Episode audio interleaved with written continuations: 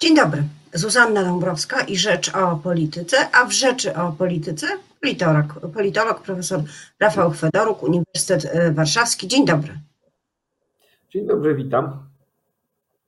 E, wydaje mi się, że jesteśmy w trochę dziwnym e, politycznym momencie. Trochę zmienia się scena polityczna, sądząc po sondażach, ale także sądząc po tym, jak zachowuje się władza, jak zachowuje się koalicja, która jakby nie do końca wiedziała, ma strategię, poszukuje różnych rozwiązań. Dotyczy to werdyktu Trybunału Konstytucyjnego kierowanego przez Julię Przyłębską, ale nie tylko. E, dotyczy także choćby reakcji na Marsz Niepodległości. Nazwać ten moment jako pewien stan zawieszenia, wstrzymania oddechu? Myślę, że taki stan trwał bardzo krótko po ostatnich wyborach sejmowych, natomiast w chwili obecnej mamy do czynienia z momentem jakościowej zmiany. Nie nazywałbym tego jeszcze przełomem ostatecznym w polskiej polityce przed kolejnym cyklem wyborczym. Natomiast po pierwsze mamy do czynienia z załamaniem się strategicznych planów rządzącej partii, planów, które miały wyrazić się w przygotowaniu do kolejnej kampanii wyborczej, poszerzeniu mm, bazy mm, elektoralnej, pozyskaniu y, młodych y, wyborców. Już w tej chwili wiadomo, że nie tylko nie uda się rządzącym zrealizować tego celu, ale na dodatek będą mieli do czynienia ze zjawiskiem, z którym borykali się w poprzedniej dekadzie, choćby w wyborach w 2007 czy 2011 Y, roku, to znaczy z wyborczą mobilizacją najmłodszych pokoleń wyborców przeciwko prawu i y, sprawiedliwości. Zmienił się także jeden z najważniejszych y, czynników strukturalnych legitymizujących władzę Prawa i Sprawiedliwości, stabilizujących ją i wewnątrz kraju, i w przestrzeni międzynarodowej, to znaczy sytuacja w Stanach Zjednoczonych, o ile oczywiście wyniki wyborów e, potwierdzą się w głosowaniu elektorów e, za e, oceanem.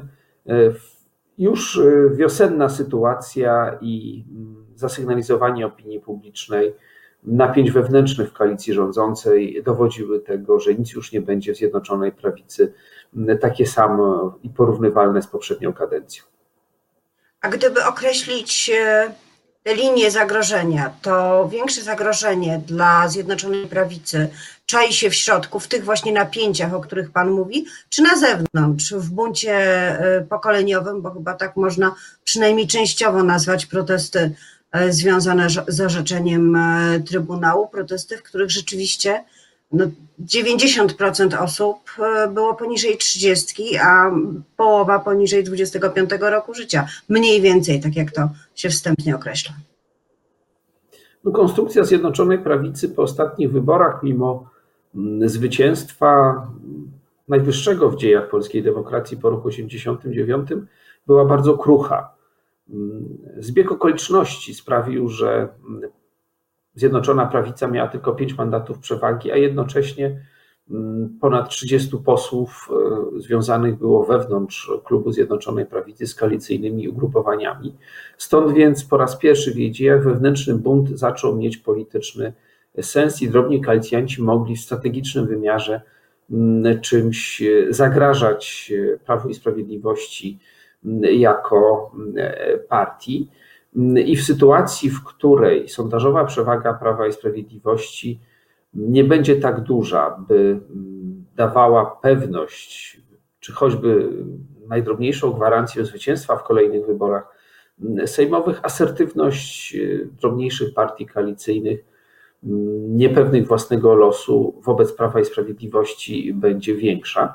I w, y, na obecnej sali sejmowej, gdzie prawdopodobnie Prawo i Sprawiedliwość już nie ma realnej przewagi nad opozycją, można się spodziewać po wygaśnięciu pandemii bardzo różnych inicjatyw, włącznie z takimi, które będą zmierzały do zmiany rządzącej większości, powołania nowej, niewątpliwie bardzo, bardzo egzotycznej i eklektycznej większości. Jeśli zaś chodzi o ów bunt pokoleniowy, nie jesteśmy w stanie w tym momencie po pierwsze określić, jaki podmiot polityczny mógłby być głównym beneficjentem ponieważ młodzi wyborcy i ci, którzy nie głosowali jeszcze w ogóle, i ci, którzy nie więcej niż raz do tej pory partycypowali w elekcji parlamentarnej, mogą zdążyć jeszcze swoje preferencje zmieniać, choć wiemy z całą pewnością, że na liście preferowanych partii u większości owych młodych ludzi na pewno nie będzie Prawa i Sprawiedliwości, a i z utrzymaniem tego procentowego udziału w najmłodszym elektoracie upisu mniejszościowego będzie spory, spory problem. Wreszcie także przełożenie pomiędzy aktywnością ruchu społecznego, bo w takich kategoriach powinniśmy mówić o, o wydarzeniach z ostatnich tygodni, a polityką parlamentarną nie jest to, nie jest to proste, więc w tym przypadku trudno byłoby oceniać skalę tego zagrożenia, poza stwierdzeniem tego, że drastycznie ograniczyło to możliwości poszerzania własnego elektoratu przez e, Prawo i Sprawiedliwość, spowodowało dezorientację części wyborców e, różnych pokoleń samego Prawa i Sprawiedliwości, co w połączeniu z innymi czynnikami sprawi, że Prawo i Sprawiedliwość powróci do stanu sprzed 7-8 lat, to znaczy pozostanie liderem sondaży, ale raczej partią na poziomie 35 do 40%, a nie więcej, a taki przedział poparcia da szansę na sprawowanie władzy tylko przy różnych skomplikowanych zbiegach e, okoliczności w kolejnych wyborach. No myślę, że system Donta y, będzie bardzo cały czas działał na rzecz e, PiSu, ale chyba także na rzecz największej partii opozycyjnej. Pytanie tylko, kto nią będzie, ponieważ wzrasta cały czas poparcie dla Szymona Hołowni. Co prawda, Koalicja Obywatelska cały czas jest tą największą organizacją opozycyjną, ale czy tutaj, po tej stronie, w centrum może dokonać się zmiana?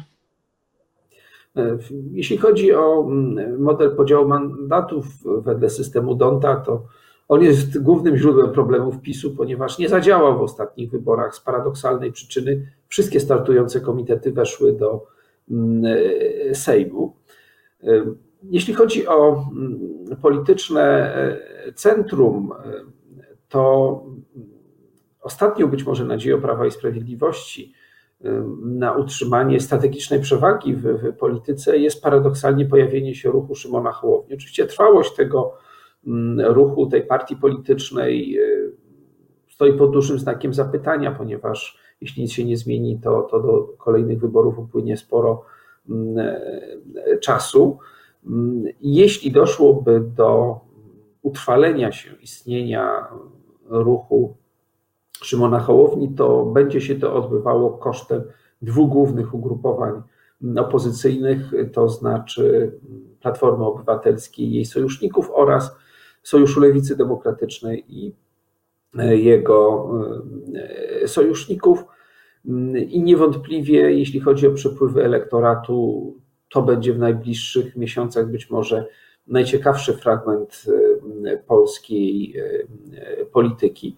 Gdy pojawia się w, ostatnich latach, w dobie globalizacji i medializacji polityki, nowa partia ciesząca się sympatią części środowisk opiniotwórczych, e, to często towarzyszy jej swoisty efekt nowości w polityce, który pozwolił nawet niektórym formacjom jak nowoczesnej wejść do Sejmu, natomiast on nie jest, e, nie jest wieczny.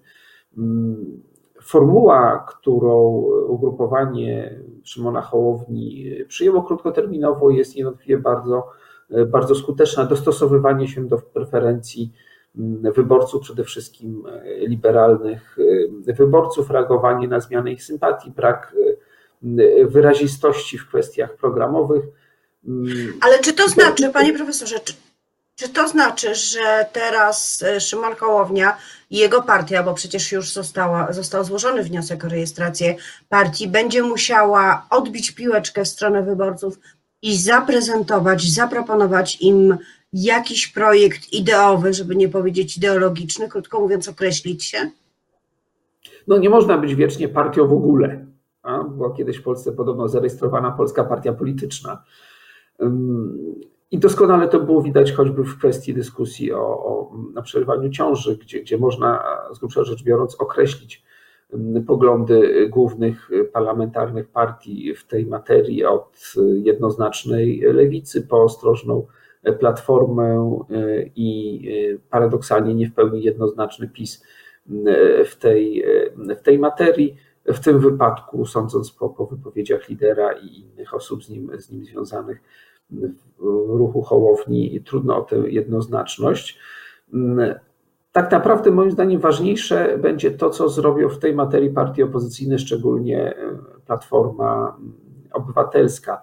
Poprzedniej kadencji mieliśmy do czynienia z podobną sytuacją. Ówczesne kierownictwo Platformy w odpowiednim momencie zareagowało i faktycznie unicestwiło nowoczesną e, jako poważnego rywala, czyniąc tę formację własnym satelitą. Pytanie, czy Platforma Obywatelska pod obecnym kierownictwem obecnej kadencji, działając w swoim własnym interesie, zdecyduje się e, na taką reakcję względem jednego z głównych e, konkurentów w walce o Mm, wyborców. Jeśli tak, to myślę, że będzie faworytem takiego starcia ze względu na zasoby, które Platforma Obywatelska e, posiada, choćby, choćby na poziomie i Sejmu, i oczywiście samorządu lokalnego.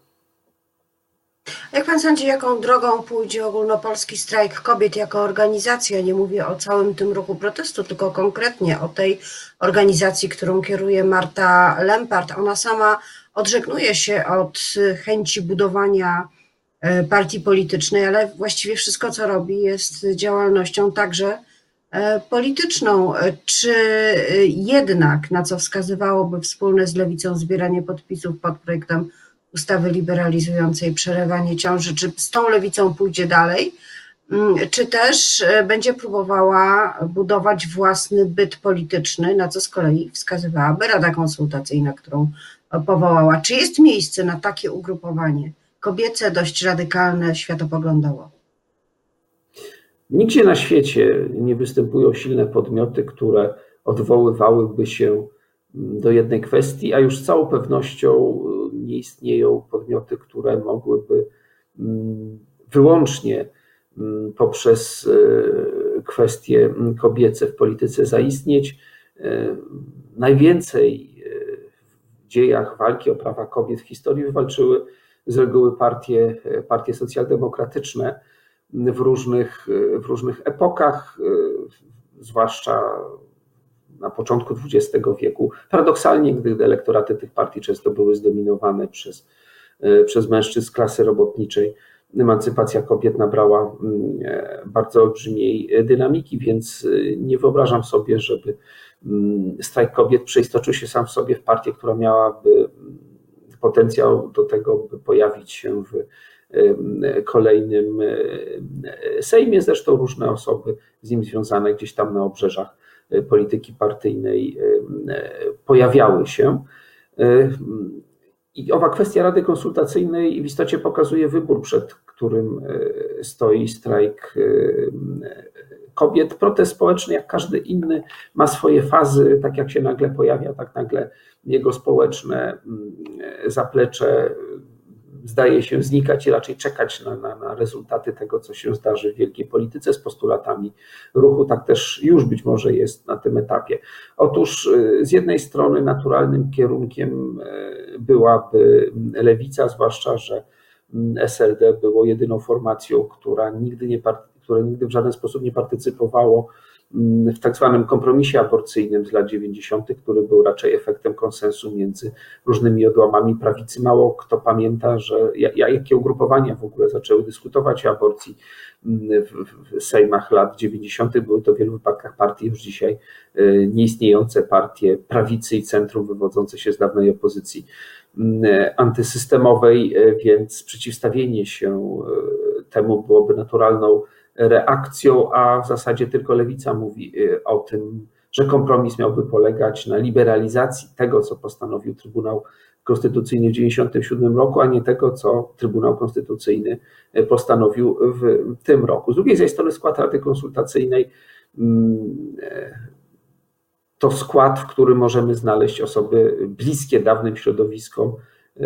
Unii Demokratycznej i Unii Wolności, co, co oczywiście rodzi różne pytania o spójność przekazu, gdy strajk kobiet i słusznie mówi o problemie tak zwanych umów śmieciowych o pracę, których efektów doświadczają boleśnie młodzi ludzie. Jednocześnie jest na przykład były minister z rządów Platformy Obywatelskiej, która raczej nie przeciwstawiała się takim umowom w czasie swoich rządów, czy też są osoby niegdyś bliskie właśnie środowisku Unii Demokratycznej, Unii Wolności, a więc temu środowisku, które e, wprowadziło, czy które osoby z tym związane wprowadziły religię do szkół i odegrały fundamentalną rolę, choćby poprzez osobę pani premier e, w podpisaniu e, konkordatu. Więc są to pewnie środowiska nieodległe od dzisiejszej e, Platformy Obywatelskiej, co pokazuje zresztą dylematy stojące przed wszystkimi ruchami, które można by wpisać w nowe ruchy społeczne w, w, w, Polsce. Dotyczy to także choćby ekologów, to znaczy, czy wiązać się ze słabszą politycznie, ale w wielu aspektach bliższą ideowo lewicą, czy też pragmatycznie orientować się na mm, silniejsze w polityce a eklektyczne w kwestiach e, kulturowych e, środowiska e, liberalne. Jeszcze chciałam na koniec wrócić do Zjednoczonej Prawicy, a właściwie do jednej osoby z tej Zjednoczonej Prawicy, czyli do pana premiera Mateusza ponieważ w związku z pandemią i jakby zarządzaniem przekazem związanym z pandemią spotyka go krytyka nawet we własnym środowisku. Zresztą środowisko to nie jest przecież bardzo jednoznacznie, nie opowiada się bardzo jednoznacznie od początku za, za jego e, mandatem do, do prowadzenia, kierowania e, rządem. Czy czeka nas wymiana kolejnego zderzaka, jak się, tak jak się to mówi w polityce, czy Mm, premier Morawiecki Pana zdaniem ma silną pozycję i y, będzie prowadził ten obóz Zjednoczonej Prawicy do końca kadencji, a przynajmniej no, przez następny rok. No cóż, Mateusz Morawiecki jest trochę w sytuacji maturzysty, któremu zmieniono w trakcie zdawania matury reguły egzaminu i dodano kilka dodatkowych mm, przedmiotów. Wszystkie elekcje do których przystępowała Zjednoczona Prawica, a gdy Mateusz Morawiecki był już prezesem Rady Ministrów, były dla niego decydującym egzaminem i gdyby którykolwiek z tych egzaminów mm, zakończył się oceną niedostateczną, byłby to koniec y, jego kariery w roli mm, polityka z pierwszych stron gazet. Wszystkie te egzaminy y, na różne oceny, ale, ale bezdyskusyjnie z perspektywy Zjednoczonej Prawicy pozdawał, natomiast pandemia stała się kolejnym nieoczekiwanym, dodanym w ostatniej chwili mm, egzaminem z wiosenną częścią, e, z wiosennym testem sobie, sobie poradził, mm, ale paradoksalnie ponownie zdaje ten, ten egzamin. I e, jeśli strategia środka, to znaczy balansowania pomiędzy oczekiwaniami różnych grup lobbystycznych z natury rzeczy przeciwnych lockdownowi, a oczekiwaniami i y, lękami wyborców, a pamiętajmy, że elektorat Zjednoczonej Prawicy to wciąż jest elektorat, którym nadreprezentowane są osoby 50, plus, a więc takie osoby, które w największym stopniu mm, osobiście odczuwają zagrożenie przynoszone przez y, y, pandemię. Jeśli uda się zapobiec wrażeniu chaosu, a ostatnie dni niekoniecznie temu, temu sprzyjają w, w walce z pandemią, pandemia mm, z różnych powodów wygaśnie wiosną, a, a sondaże PiSu no niższe niż poprzednio, ale dalej będą pozwalały zachować status partii numer jeden, to, to, to Mateusz Morawiecki będzie miał szansę ubiegać się w przyszłości o schedę po Jarosławie Kaczyńskim. Natomiast jeśli reakcja opinii publicznej będzie dużo bardziej krytyczna niż ta, która miała miejsce wiosną i latem tego roku na działania względem, względem pandemii, to żeby utrzymać e, nadwyrężoną spoistość formacji w Zjednoczonej Prawicy niezbędne będzie nowe, e, nowe otwarcie, e, a wówczas Mateusz Morawiecki, jak sądzę, dość szybko stanie się politykiem, którego pozycja nie będzie przekraczała obecnej pozycji Beaty Szydło. Nie sądzę albowiem, by zdążył się dorobić trwałego zaplecza w obrębie Prawa i Sprawiedliwości jako jako partii, a dynamika wydarzeń politycznych będzie tak duża, że, że trudno sobie wyobrażać, by, by miał szansę, czas na to, by, by wypracowywać takie zaplecze wewnątrz Zjednoczonej Prawicy, raczej stanie się kimś związanym z którymś z już istniejących nurtów wewnątrz tej formacji. Bardzo dziękuję za tę analizę, za poustawianie pionków na politycznej naszej e, szachownicy. To się bardzo czasem przydaje, żeby spojrzeć trochę z boku na to wszystko, co się dzieje. Moim gościem był profesor Rafał Chwedoruk, politolog z Uniwersytetu Warszawskiego. Dziękuję bardzo.